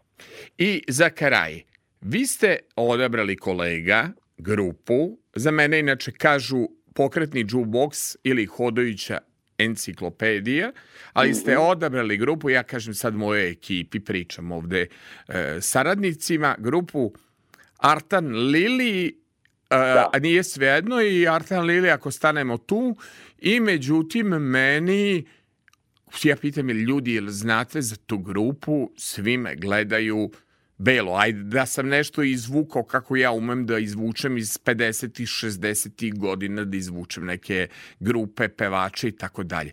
Hoću da kažem, kako ste došli do te grupe i to je vaš muzički izbor, kako ste došli do grupe Artan Lil? Evo, ja moram priznati, nikad nisam čuo za njih. E, ja volim muziku. Da, kad sam ja počeo da se bavim novinarstvom u Francusku, ja sam se intenzivno bavio kulturom i ja sam e, pokrio e, dosta koncerata, e, pravio intervjue e, od e, slavni, tada slavni pevači u Francusku. E, muzika je nešto što sam se potrudio uvek da pratim. Naravno, kad sam se preselio u Srbiji, e, zainteresovalo me i lokalna muzika i to nikad nisam prestao. E, kad smo, pošto mi sad pričamo sa novosađanima, e, moj, e, jedan od mojih kao bitnih susreta sa muzikom u regionu, naravno je bio festival Exit, čiji sam bio jedan, mislim, obožavatelj, mislim, veliki broj godine, sad nažalost ima malo manje vreme da idem dugo nisam bio, žao mi je, ali naravno biti u kontaktu sa e, lokalnim trendovima što se tiče e, kultura, e, umetnost, muzike. Volim e, filmografija ovde, filmovi, idem na pozorištu. Mislim, to je bitno je za e, čoveka iz inostranstva da bi razumeo gde živi, da bi lepo mi mogao da izveštava, da e, bude u toku. Artan Lili sam slučajno otkrio, čini mi se pre tri godine, oduševili su me e, njihovim e, e, rečima, znači pesme, znači meni su vrlo zanimljivi ti tekstovi. E, muzički gledano to su e, ritmovi koje se e, dosta manje čuju e, ovde, koje su meni činili vrlo inovativni i tako da stvarno me se mnogo svidelo i da dodaću samo to, još sam imao priliku da gledam njihovi videoklipovi i tu ima opet nečku, neku umetničku tačku koja je vrlo uh, koje se vrlo oseti, uh, lepe su te, te video, tako da stvarno meni uh, Atan Lili predstavljaju jedan, kako bi, trend koji bi želeo nekako da vidim da se, da se razvija u ovoj zemlji i svakako svaka mlada, mlađa grupa ja sam spreman da slušam i ohrabrim ih da, da, da, da ono, pis, pišu nove pesme, da se istaknu, da se čuju, jer umetnost, kultura je stvorenje. Naravno, nasleđe je jako bitno, ali kultura je nešto što mora da ostane živa i e, meni su stvarno predstavnici e, nešto što i u tom trenutku kad sam čuo bio sasvim novo i neočekivano i osvežavajuće, tako da stvarno oni mi su bili kao super, zato ih, odmah sam ih zavoleo. E, recite mi koju onda slušamo za kraj našeg razgovora, obećao sam da ću biti brz, kratak i jasan, a, da li slušamo nije sve jedno ili ako stanemo tu, koja vam je draža pesma od grupe Artan Lili, koju, koju puštamo na kraju našeg razgovora? Ako stanemo tu je prva ko sam slušao i eto, e, uhvatio e, na neki svoj način uspeo da, da uhvati e, neki, e, neki, os- neki atmosfera u zemlji, čini mi se, e, tako da eto, ja bi, e, ja bi ako stanemo tu, zato što oni mi su bili kao, e, to je prva pesma ko sam e, otkrio. njih. Znači, e, slušamo Artan Lili, ako stanemo tu za kraj, naravno, zamolit ću vas još jednom da kažete Ustav. vaše cenjeno ime i prezime zbog mojih ovde Francuza koji su sjajni pa će da vežbaju da sledeći put kad budemo radili intervju ja budem, kako ide lepo vaše ime i prezime da ja ne pogrešim. Laurent Rouy, Loran Rouy, Laurent Rouy.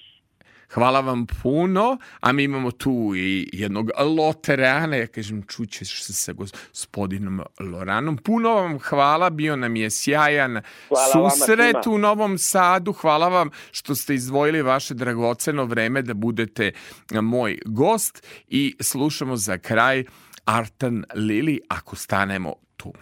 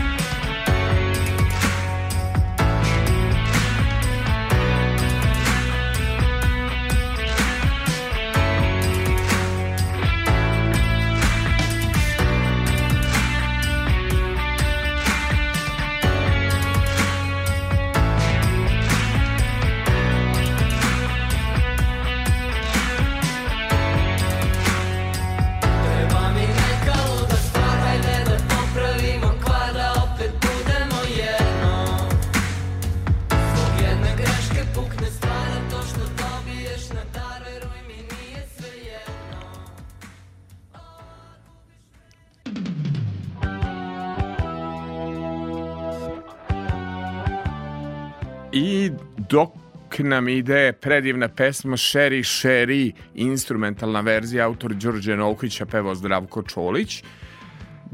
Želim da se čujem s jednim mojim legendarnim kolegom.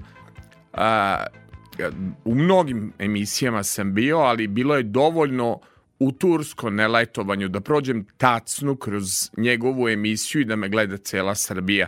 Jednom sam i pevao, našoj ljubavi je kraj pred Tamburica Fest, a ja njega znam iz mojih mladalačkih, momačkih dana, pošto sam često dolazio u Vrnjačku banju i uživao programu te radio stanice i želim da vam na jedan novi i drugačiji način predstavim Žiku Nikolića. Pre svega, Žiko, da li se čujemo, da li nam ove linije funkcionišu?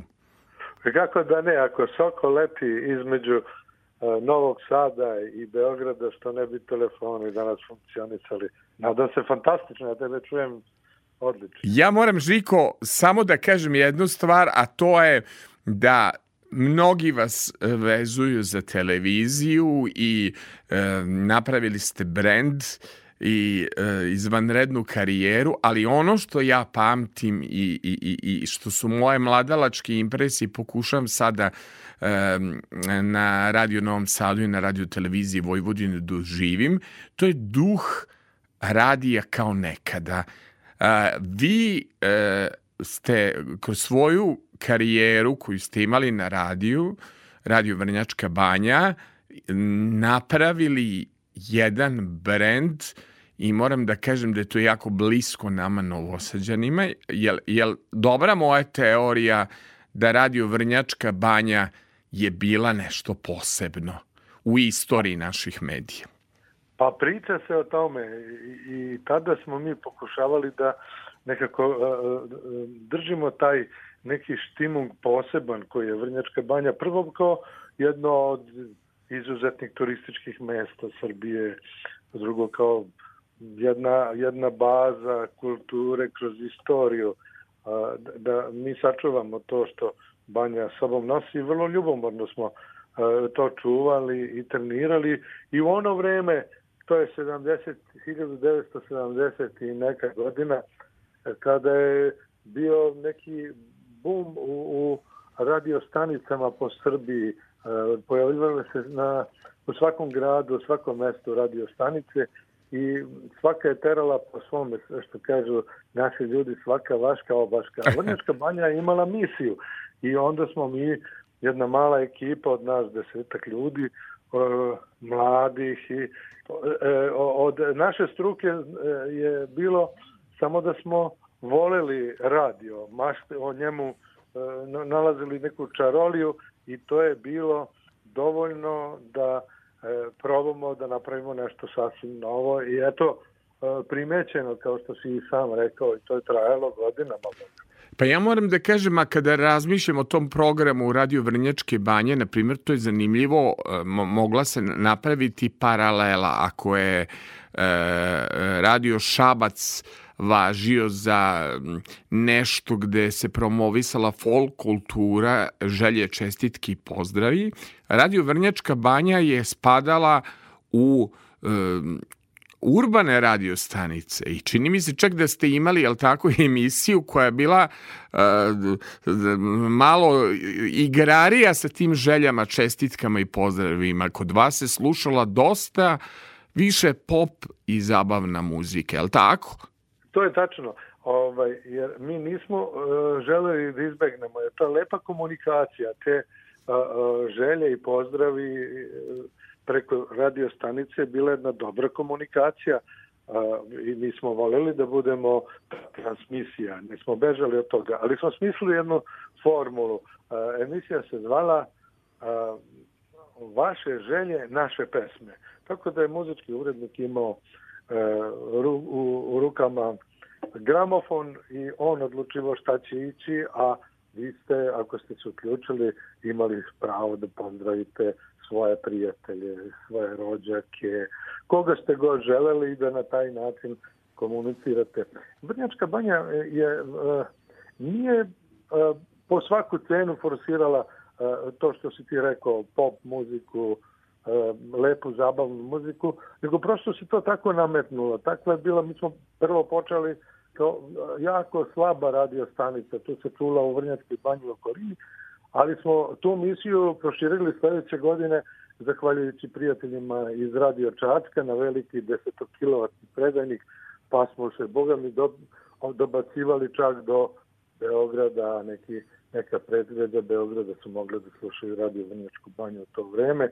I mi smo pokušali da budemo nekako uh, pandan uh, studiju B, vrlo popularnom u Beogradu tada, a, a, a da mi budemo na neki način ravni njima u Srbiji.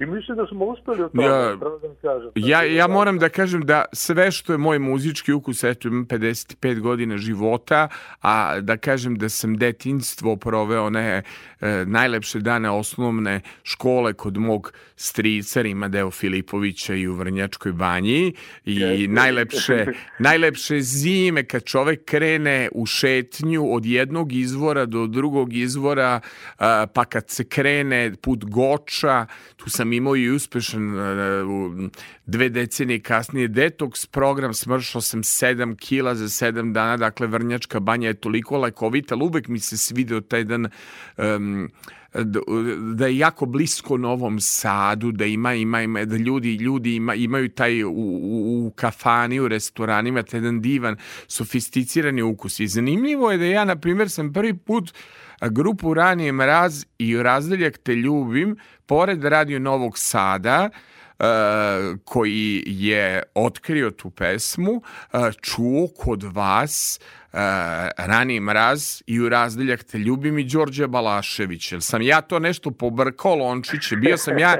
Žiko suviše mali, imao sam je 10 tačno. godina kad je ta pesma bila hit. Imali jednu ekipu entuzijasta, ljudi koje, svako je imao svoju neku misiju od te male ekipe, pa smo imali jednog izvanrednog čoveka koji se zvao, zove i danas živ, hvala Bogu, Miodrag Čolić, jedan od tehničara, koji je voleo da e, mašta, da je, i on je postavio neke dugačke antene na, na zgradu gde smo mi bili, fatao sve živo od e, Evrope do, o, ovaj, i sve ono što je dotiralo lepo. I sebi i tako je natrčao na ovaj, talas Radio Novog Sada i uhvatio a, pesmu u razdaljak te ljubi. I, i, to, je, to je bilo za mislim ta pesma je i sada mi je jezda kad se svetim kakav je ona imala efekat i, i, i pojava je Đoleta Balaševića u, u tom našem metru je bila zaista spektakul- spektakularna tada, ali znaš po čemu je bila specifična ta pesma? Po čemu? E, na radio Vrnjačkoj banji. Nije imala prvi onaj početni onaj refren, Dobro. uvod, muze, nego e, jer je čovjek zakasnio da snimi, pa je snimio od, od, od pevanja, tako da je to Fantastično. i ljudi su nam govorili, pa što nam ne pustite taj početak koji je fantastičan, rado. mi. Ali mislim da smo posle u, saradnji sa Radio Novim Sadom, to je uvek bilo te velike radio stanice, Radio Beograd i Radio Novi Sad i ovaj, Radio Niš tada je radio. Ovaj, vrlo su e, rado sa nama sarađivali i mislim da smo mi nabavili vrlo brzo i taj i taj delić. A to što pričaš o, o tom štimungu Vojvodine i Novog Sada u Vrnjačkoj banji, to je apsolutno tačno. Jer e, najviše posetilaca Vrnjačka banja je uvek imala, mislim da i sada, Da. iz Vojvodine, tako pa je. pretežno iz Novog Sada. Jer nekako, nek, nama su novosadjani bili ljudi ovaj, po onom Balaševićem, ali se nekad dobro jelo. Ne, ali jako smo bliski prema ljubavi, prema dobroj eh, hrani i prema ljubavi prema restoranima, pa ove letnje bašte, terase. To je nekako kult koji postoji u Novom Sadu i, i u Vrnjačkoj banji. To je takozvani dobar noćni život koji ne može bez nekog lepog restorana. Jer šta je zapravo leto ili šta je uživanje noći ako nije lepa muzika. Međutim, pošto ja sam poznat po dobrim vezama, to je e, zapravo početak bio u grupi Žetva, pa kaže kako je nastao, e, do- došao grad pa uništio žetvu i nastao rani mraz. Tako da ovaj, uspeo sam, zahvaljujući svojim dobrim vezama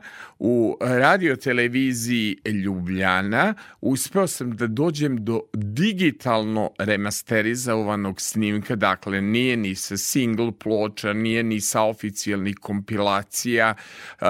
Uspeo sam da dođem do digitalnog snimka pa da čujemo taj famozni početak i u razdeljak te ljubim pa možda Žiko nešto da nam govorite poezija ili da recitujete ajmo da čujemo taj početak i ovu predivnu pesmu mnogi mladi ne znaju bila je to daleka 1978. godina Kad je pre mnogo leta Bal pravio baron. Von Ligenstuhl je pozvan Da naiđe i on. Čim ušao je u salu Onako lep i mlad. Prišla mu neka dama I uzviknula tad U razdeljak te Ljubim Svim žarom srca svog. Srca svog. Jer hoću da poludim. Ludim Zbog razdeljka ti tvog U razdeljak te ljubim. Jer želim da se znam. Zbog njega razum gubim. Zbog njega nemam sna. Zbog njega nemam sna. Von Ligenstuhl je hitro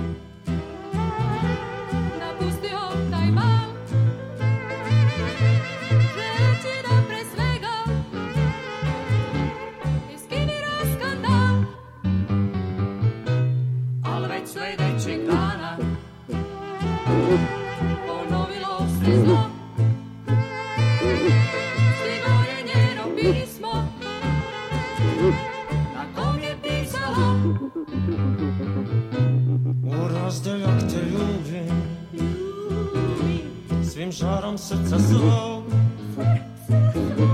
Jer hoću da poludim Zbog razdeljka ti tvog U razdeljak te ljubim Jer želim da se zna. Zbog njega razum gubim Zbog njega nemam sna. Zbog njega nemam sna. Von Regenstuhl je bio stvarima tim. Izgubio je živce Promenio se sasvim. I počeo je da traži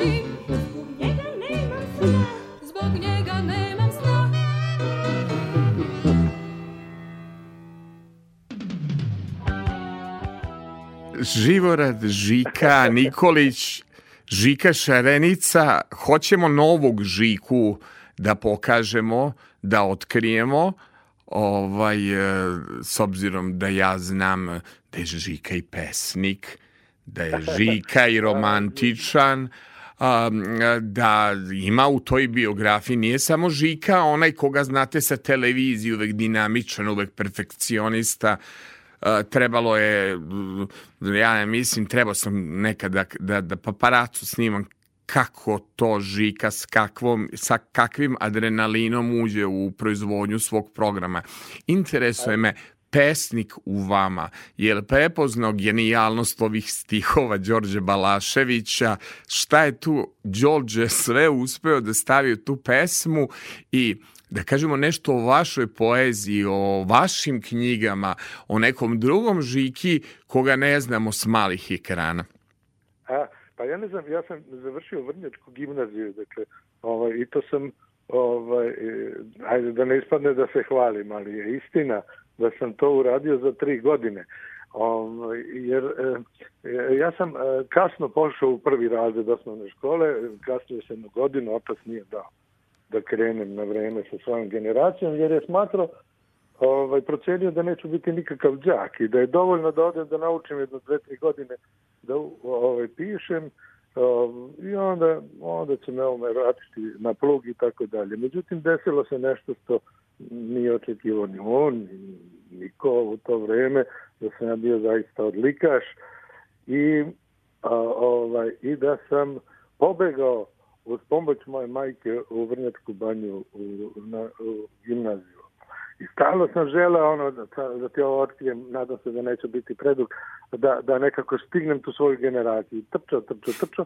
I jednom u, u trećem razredu pročitam u novinama tekst da je neki mladić e, tada, ja mislim da je iz Prištine završio četiri razreda škole, neke za tri godine i odem kod direktora tada strogog Radoja Stanisavljevića i ja mu kažem za tu ideju. On kaže, Deško, ja to nisam čuo, niti znam, ali ću se raspitati pa ću ti odgovoriti. I posle nekoliko dana došao i kaže, upravo si, to se može uraditi. I tako sam ja u trećem razredu polagao ispit iz četvrtog razreda i e, prvo sam završio četvrti, pa su mi priznali to tek kad sam završio treći razred. Tako da je to bilo nešto ubrzano, a da, da su malo me pratili više moji bližnji, verovatno bi znali da sam ja to malo povuke neku žicu talenta. To je verovatno iz te Jasikovačke zemlje, moje selo se zove Jasikovice, tih brda, e, kamena, e, jaroga i tih čuda, jer sam ja još čuvajući ovce kao osnovno školac pisao neke pesme, znaš, da. i, i, i beležio ih, imao sam papir, ali nisam imao olovku, pa sam sa, sa ovaj, slamčicom, trčicom od, od, od pšenice a, i, i kupine u ono vreme tamo u avgustu kad to dođe, pravio mastilo i beležio da ne zaboravim dok dođem do kuće. I tako je to trajalo. Meni su u gimnaziji zvali sve vreme ovaj Home, zato što sam bio pesnik. Tako pod tim imenom sam prošao gimnaziju. Eto. Hoćemo nešto da kažemo od vaše poezije, jeste E, može, raspoloženi. Evo nešto što je ovako pečat mog rodnog kraja. E, spremio sam jedno dve pesmice a, a, i, i o, nešto specijalno za, za, za ovo, kaže ovako, saznanja. Ispod moje kuće igra jedan potok. Jutro mi svako očima pijanu igru sunca donese. Dva jablana do iznemoglosti sviraju istu igru. Godine prolaze, a tu uvek igra proleće. Eto, to je moja neka među prvim pesmama koje sam ja zapisao i e, e, beleži taj pejzaž mog, mog kraja male Jasikovice kod Trstenika.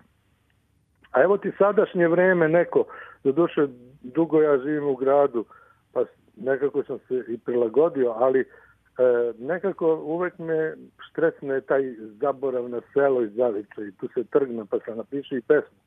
Kaže, siđo smo s brda, zašto ne ponesmo malo vetra u kosi i sive boje kamenjara u očima? Siđo smo s brda, izgleda nas nebo, više nije tako modro, ostao da smo neshvatljivo mali, da li nas i oči ostaviše? To je pitanje za sve nas koji smo iz sela pohrlili u grad. Ali da vas pitam, Žiko, još nešto. Težak je taj put, ajde tako da kažemo, pre svega iz sela pa doći do Vrnjačke banje, pa onda još teži put uh, sa radija doći na televiziju ili iz Vrnjačke banje u Beograd.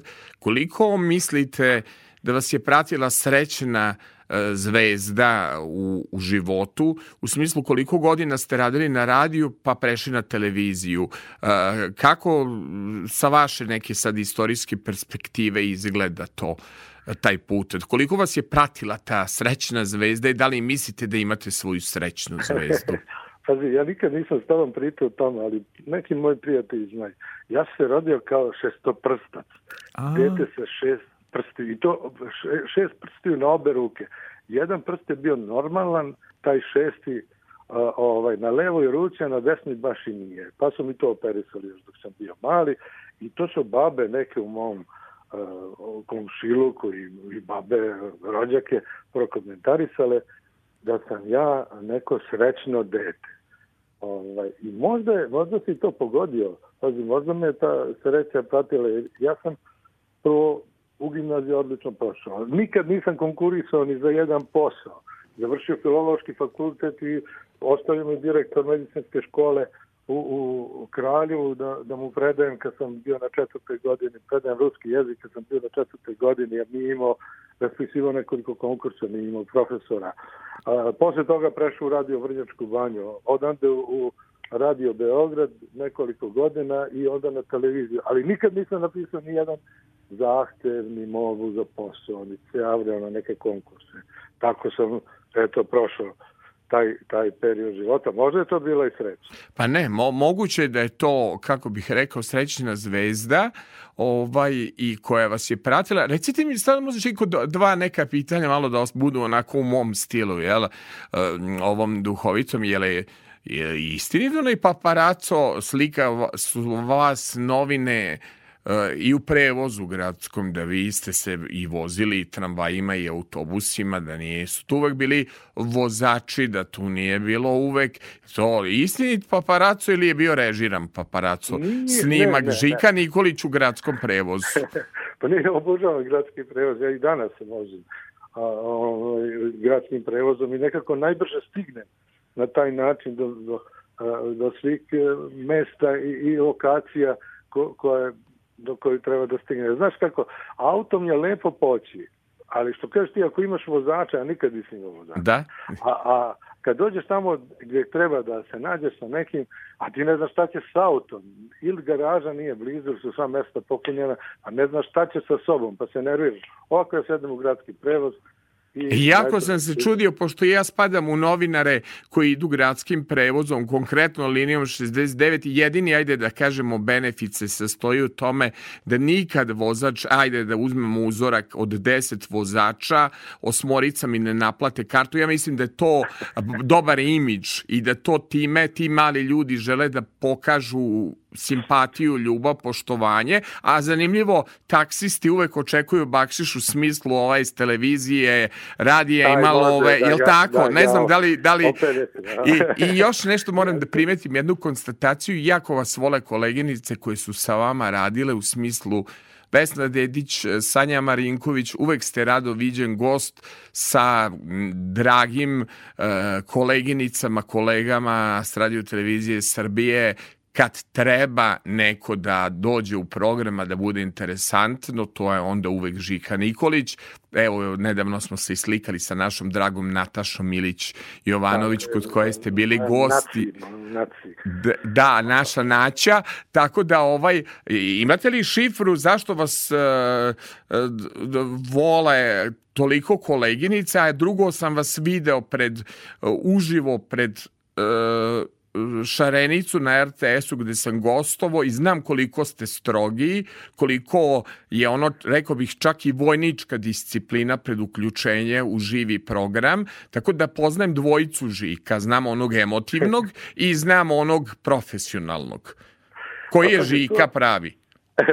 pa ne, ne, jedan i drugi. su- Posao je posao, a, a život je život. Prema tome, ja kad siđam si pod malog ekrana, ja sam taj normalni čovjek koji se vozi autobusom ide peški priča s ljudima. I ja obožavam to, inače, druženje sa ljudima i uvek. Sa, I tu sam saznao mnoge stvari. Zamisli da se voziš ne sad ovaj, koliko bi tema ja propustio da nisam sretao te ljude, da mi predlaže nešto, da bi bilo dobro ovako ili onako. Pa to je bogatstvo, mislim, to, ovaj, e, ja sam to, čini mi se, na vreme, a i prijalo mi, na vreme shvatio, a i prijalo mi je to takav način funkcionisanja. A to sa koleginicama sam uvek jako dobro sarađivao.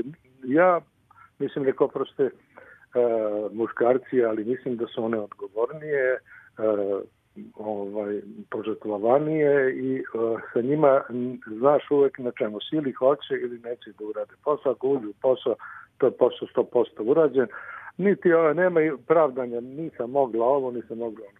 I mi smo tu uvek jako lepo funkcionisali, Uh, zato su ostale i prijateljstva, posle toga nisam bio ja neža ni prema Vesni, ni prema Sanji koje si pomenuo, mislim, ali smo mi i, i duele. Pa ja znam kako su one temperamentne žene, prosto ne bi takve karijere uspele da izgrade, da nemaju uh, u sebi ambiciju i da nemaju i neku oštrinu koja žena kao novinar mora da ima. I naravno da vas pitam za kraj, ne znam da li ste čuli te hipoteze u javnosti koje postoje, da ste vi i Miroslav Ilić braća, da toliko ličite, ja ste to čuli, tu teoriju? To se događa. I sada, sada već smo ostavili ja i on, ali ovaj, ponekad pogreše ljudi, ali u, u, u mlađim danima to je bilo dosta često. Ovako, kao, pa nema. Znaš kako, da ti isjećam anegdotu, kad je ovaj, došao neki tip ovaj, i, i na nekoj zabavi, ja se pojavio tamo i, ona, i onda sad krenula tu priču i kaže, ajde, odpevaj nam jednu pesmu, mislim, nemoj sad da, da se foliraš tu, znaš, ovo, ono, stalo nam je kad si već naišao. kaže, ma nisam ja taj. A on kaže, ne, znaš, ono malo podjasno, veselje ga, ne, ti ćeš sad da mi kažeš da nisi, znam ja od tebe. I... to su bile lepe, lepe šale. I uvek su bile neke zgode oko toga, pravo da ti kažem. Uvek je bilo fino i prijatno je. Očigledno da i Miroslav ima lep, dostavlja lep utisak kod ljudi, tako da sam ja profitirao na toj na, na toj priči. Hvala vam puno Žiko, eto što smo se čuli. Ovaj bio je u ovoj emisiji da naš prijatelj Francuz, znači ovo će biti jako zanimljiva. Pevali smo, on nije ni znao da je Lepa Brena pevala na francuskom Okrećeš mi leđa i odlaziš, a da je Tereza Kesovija čak pevala na francuskom Dodirni mi kolena, to bi baš volala. Dakle, ova emisija bila puna, puna pikanterija. Mnogo vam hvala, hvala što smo se čuli. A, ovaj predno 20 godina ste bili moj gost na televiziji. Mnogo mi je značilo kada ste mi rekli da ste gledali iskrenu priču i da ste neke stvari prvi put čuli o meni, a da niste to znali šta da, se... Jeste, to je tačno. Pre neki dan sam gledao jednu lepu televizijsku emisiju koju si ti gostovao i zaista si me zadržao ceo sat na ekranu, što je fantastično za, za ovaj, ovo sadašnje vreme, ludo i užurbano. I za kraj, ako mogu samo da ti kažem, jedan epitaf životni, e, to je neki moj moto, a, i, i, i u mojoj knjizi pesama, zagledan u ono što prolazi, prolazim pored sebe zamišljen. Mnogi tako danas prolaze, a bilo bi lepo da smo malo bezbrižniji. Da, bilo bi mnogo lepo, ali imati izvanredan muzički ukus. Složili smo se odmah oko jedne pesme. Tada se pevačica grupe ABBA zagledala u Zdravka Čolića, ali to je bio samo flert. Kemal Monteno je napisao Gori vatra, a ostala jedna fantastična pesma Zdravka Čolića koju ste vi odabrali jer podsjeća na, na neke vaše lepe dane sa radija, radija Vrnjačke banje i odabrao sam odlučili smo se da je najbolja faza, ja bar to tako misli, to uvek kažem i gospodinu Željku Bebeku kad ga vidim, a videću ga opet ovoga leta i radimo intervju. Dakle, najlepša mi je faza grupe Bijelo dugme kada je u njoj pevao ovaj, e, Željko Bebek. Ja sam se ipak odlučio, pošto su mi bili ovde ljudi koji kuvaju pa su dosta pev, pevali o pekarima. Ja sam se za, e, odlučio za jednu pesmu koja bi odgovarala vašem duhu čoveka koji zna šta je selo i šta je ljubav na taj način. Ja sam se odlučio hop, cup, poskočit ću mladu curu, poljubit ću. Jel dobar izbor? Mislim da, da, da sam gledao da bude u duhu vašeg temperamenta i načina kako ste ovaj radi, radili emisije i kako živite. Znači, gori vatra za kraj i bijelo dugme hop, cup. Žiko, puno vam hvala i vidimo se, jel tako, negdje ili u Novom Sadu ili u Beogradu. E, e, hvala vam puno što ste bili moj gost. Svako dobro želim. Sve najbolje, prijatnom.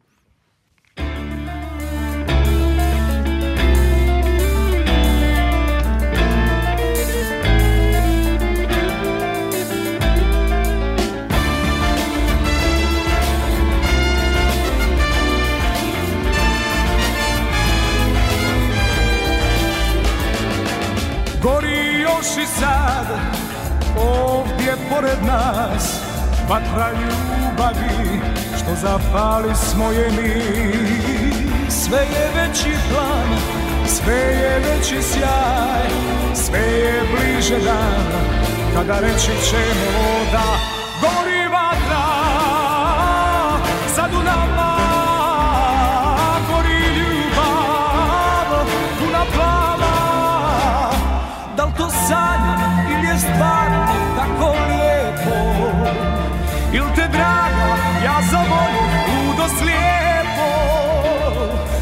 Dođi sad, dođi sad, dođi sad Reci da,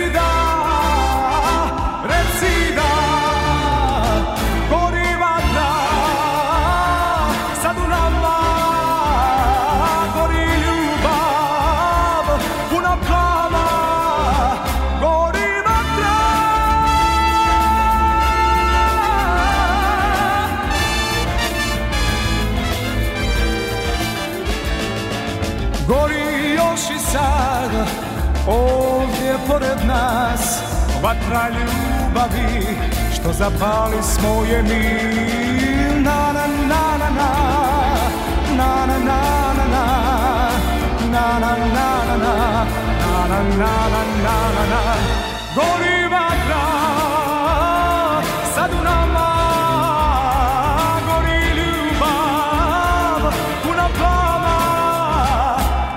to sanjam ili je stvarno tako lijepo? Il te draga, ja zavoljem ludo slijepo? Dođi sad, dođi sad, dođi sad Reci da, reci da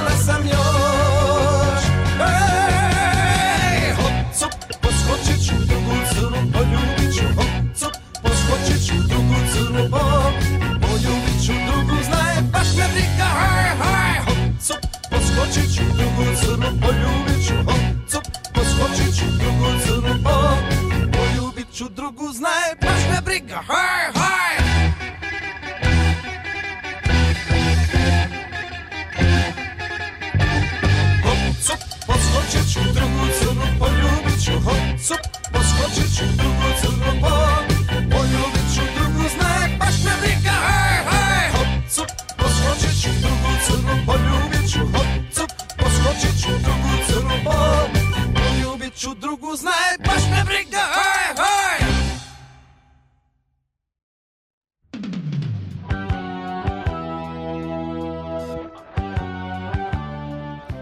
Jao, što mi je bila dobra ekipa.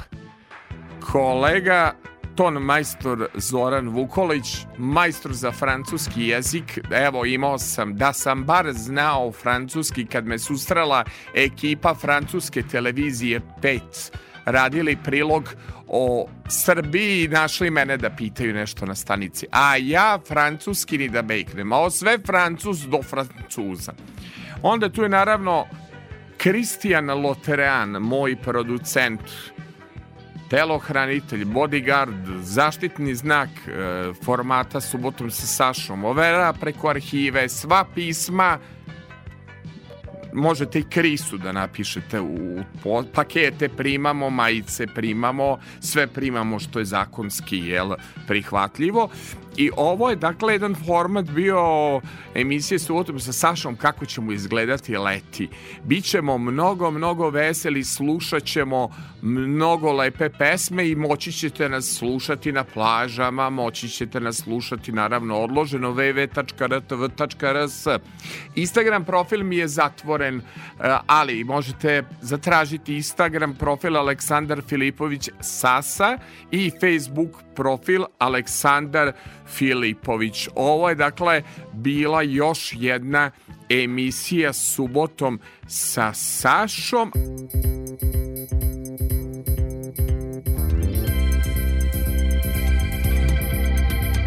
Subotom, subotom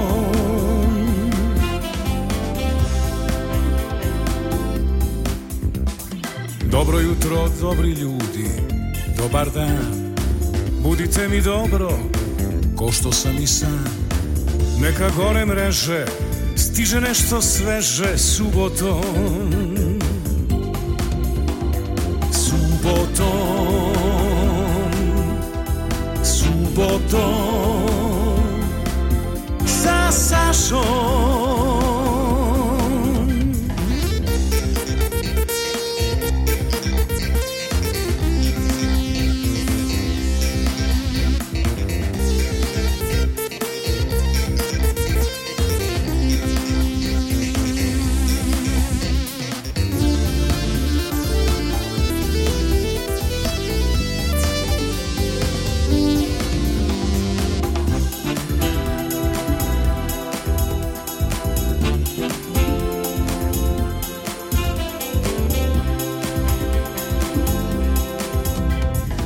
Jedva čekam na početku vikenda.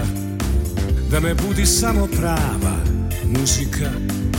Bez stresa skandala Samo dobra šala subotom. Subotom. Subotom. Sa Sašom